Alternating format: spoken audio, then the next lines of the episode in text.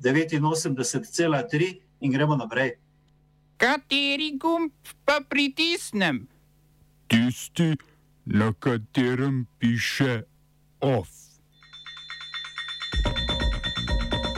Tudi Rusija sprejela sankcije proti Zahodu. Predsedniške volitve v Južni Koreji. Stavka zaposlenih v vzgoji in izobraževanju. V krofu poškodbe možganov po okužbi s koronavirusom. V kulturnih novicah pa Fifi spet polni domače zaslone. Rusko vojaško posredovanje na območju Ukrajine traja že dva tedna. Združene države Amerike znova pritiskajo na Rusijo in sicer s prepovedjo uvoza nafte iz te države. Tej odločitvi ameriškega predsednika Joea Bidna je sledilo tudi Združeno kraljestvo, Evropska unija pa se najnovejšemu ameriškemu ukrepu zoper Rusijo tokrat ne bo pridružila, saj je veliko bolj odvisna od ruske nafte.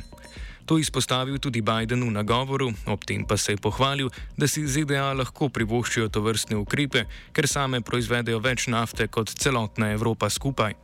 Poteza je že povzročila pričakovan skok cen nafte na skoraj 140 dolarjev za soček, kar pa je Biden komentiral z besedami, da bi lahko cena svobode za američane bila dražja.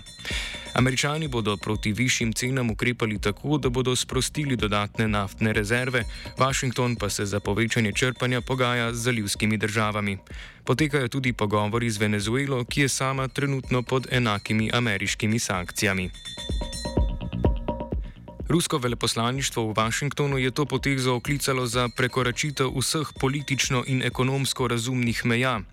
Ob tem so opomnili, da so sankcije dvorezni meč in da bo zavrnitev ruskih virov povzročila bistvene premike na globalnih energetskih trgih, kar pa bo negativno vplivalo v prvi vrsti na podjetja in potrošnike iz ZDA. Ameriški predsednik je v istem nagovoru napovedal nadaljno vojaško in ekonomsko pomoč Ukrajini ter pozval kongres naj odobri 13 milijard evrov v te namene. So pa ZDA zavrnile ponudbo Polske, da bi Ukrajini predala svoja bojna letala MiG-29. Te bi, tako uradna Varšava, poslali v ameriško oporišče Ramstein v Nemčiji, odkuder bi jih na to premestili v Ukrajino. V zameno za mige, izdelane še v času Sovjetske zveze, za katere so izurjeni ukrajinski piloti, bi polska vojska dobila ameriške lovce F-16. Iz Pentagona so sporočili, da je polska ponudba nesprejemljiva, saj da je morebiten polet bojnih letal iz oporišča, ki si ga ZDA delijo z NATO, v ukrajinski zračni prostor, ki ga poskuša nadzorovati ruska vojska, sprožil resne pomisleke v celotnem zavežništvu. Kot je dejal tiskovni predstavnik Pentagona John Kirby, je odločitev o premestitvi polskih letal v Ukrajino v domeni polske vlade. Ta je sicer že večkrat zavrnila možnost, da bi sama uredila transport lovcev. Premijer Mateusz Morawiecki ustraja, da mora biti odločitev o kakršnikoli dobavi vojaškega arzenala v Ukrajino sprejeta s soglasjem članic NATO. Da je pomoč v obliki migov in drugih bojnih letal vseeno realna možnost, je v nedeljo med obiskom moldavske prestolnice Kišinjov namreč nakazal ameriški zunanji minister Antony Blinken. Sankcije sedaj prihajajo tudi z druge strani. Ruski predsednik Vladimir Putin je podpisal dekret, s katerim bo Rusija prepovedala izvoz in uvoz nekaterih surovin do konca leta. Listo prepovedanih surovin in držav, za katere bo prepoved veljala, bo vlada pripravila v naslednjih dveh dneh. Poleg nafte in plina je Rusija izvoznica kovin, kot so paladi, nikel, aluminij in cink, izvaža pa tudi pšenico in koruzo. Zaradi te odločitve Rusije se bodo torej zvišale cene tako redkih kovin in izdelkov iz njih, kot tudi osnovnih živil. Poleg ofenzive v ekonomski vojni z Zahodom pa ima Rusija še vedno velike težave z blaženjem posledic zahodnih sankcij, predvsem padanja vrednosti rublja. Ruska centralna banka je zato omejila prodajo tujih valut do 9. septembra.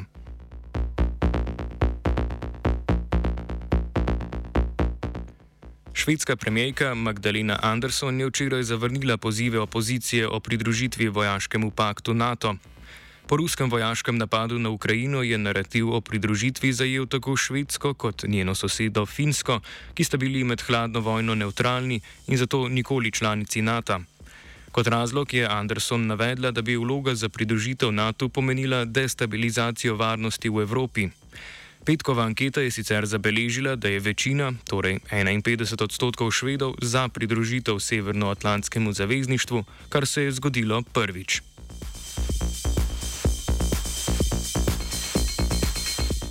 Na drugi strani pa se Bosna in Hercegovina pridružuje valu trkanja na to, kar se zdi kot nekoliko bolj odprta vrata Evropske unije. Predsednik predsedstva Bosne in Hercegovine Željko Komšič je v Bruselj poslal pismo s prošnjo, da bi državi dodelili status kandidatke, kar naj bi v politično nestabilni Bosni in Hercegovini povečalo varnost in stabilnost. Navedel je, da je Bosna in Hercegovina v prehodnem obdobju izpolnila del obveznosti iz sporazuma o stabilizaciji in pridružitvi, ki pa so povezane predvsem z usklajevanjem bosansko-hercegovske zunanje politike, zunanjo politiko in varnostno politiko Unije. Komšič je tudi povedal, da se je Bosna in Hercegovina pridružila vsem sankcijam proti tistim, ki so izvedli napad na Ukrajino, kar je v skladu s politiko Bosne in Hercegovine od leta 2014, ko je obsodila aneksijo, aneksijo Krima. Evropski parlament pa je na včerajšnji seji razpravljal tudi o situaciji in notranjih napetostih v Dejtonski begovi čorbi zaradi separatističnih in nacionalističnih teženj. Večina evropskih parlamentarcev je izkazala podporo pohitrenemu članstvu Bosne in Hercegovine v Uniji.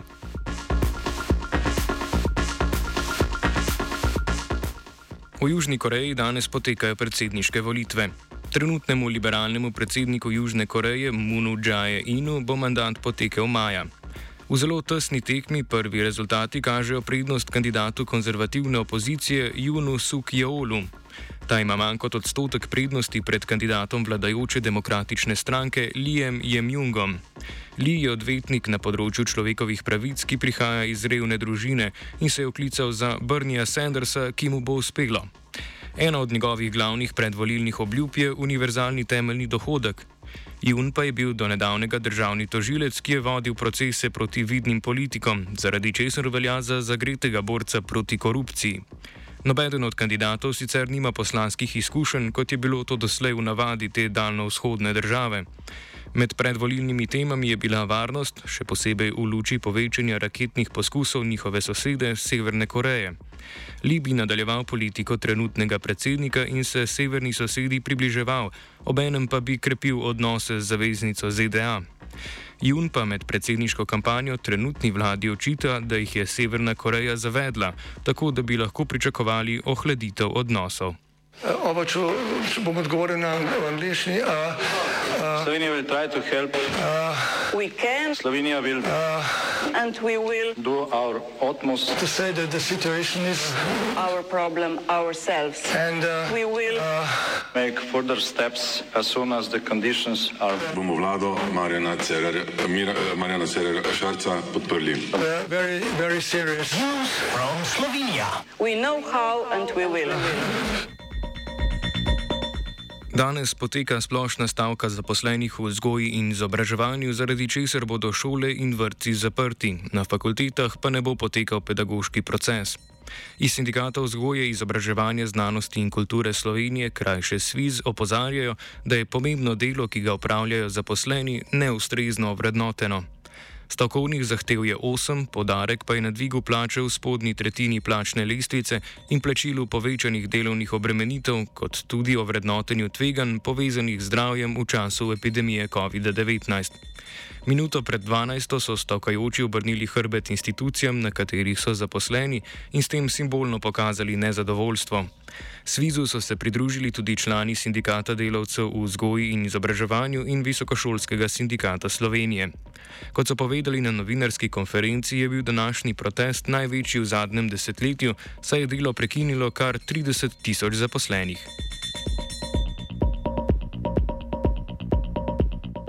Ministrica za izobraževanje, znanost in šport Simona Kustec je povedala, da stavko obžaluje.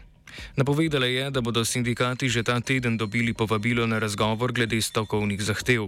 Pripomnila je še, da se je vlada zavezala, da pred volitvami ne bo neodgovorno sprejela dodatnih sistemskih javnih sredstev.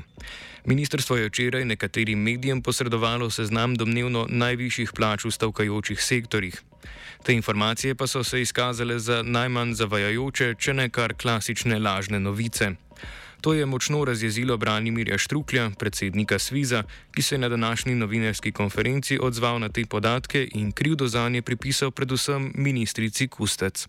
Informacija, ki je bila posredovana medijem, mi smo jo prebrali na Siolu, seveda, a ne kje pa druge, je bila posredovana z Ministrstva za izobraževanje.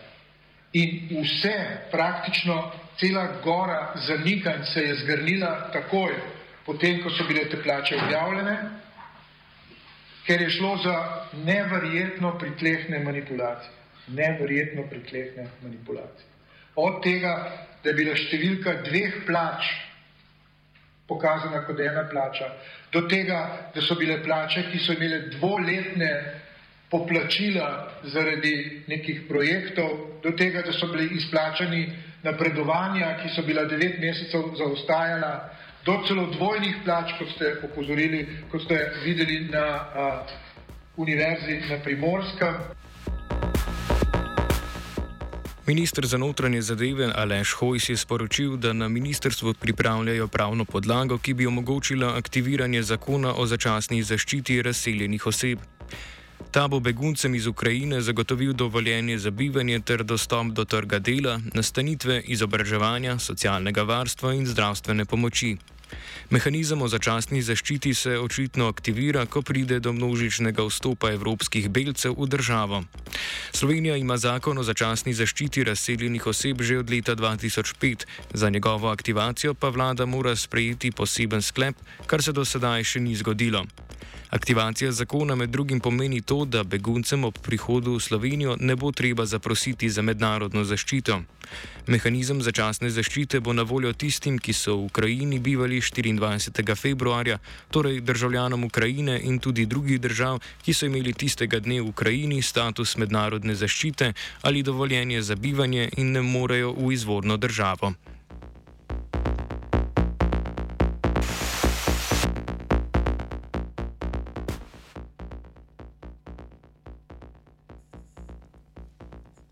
Z današnjim ofom se od dnevno informativnega programa za nekaj časa poslavlja AKG.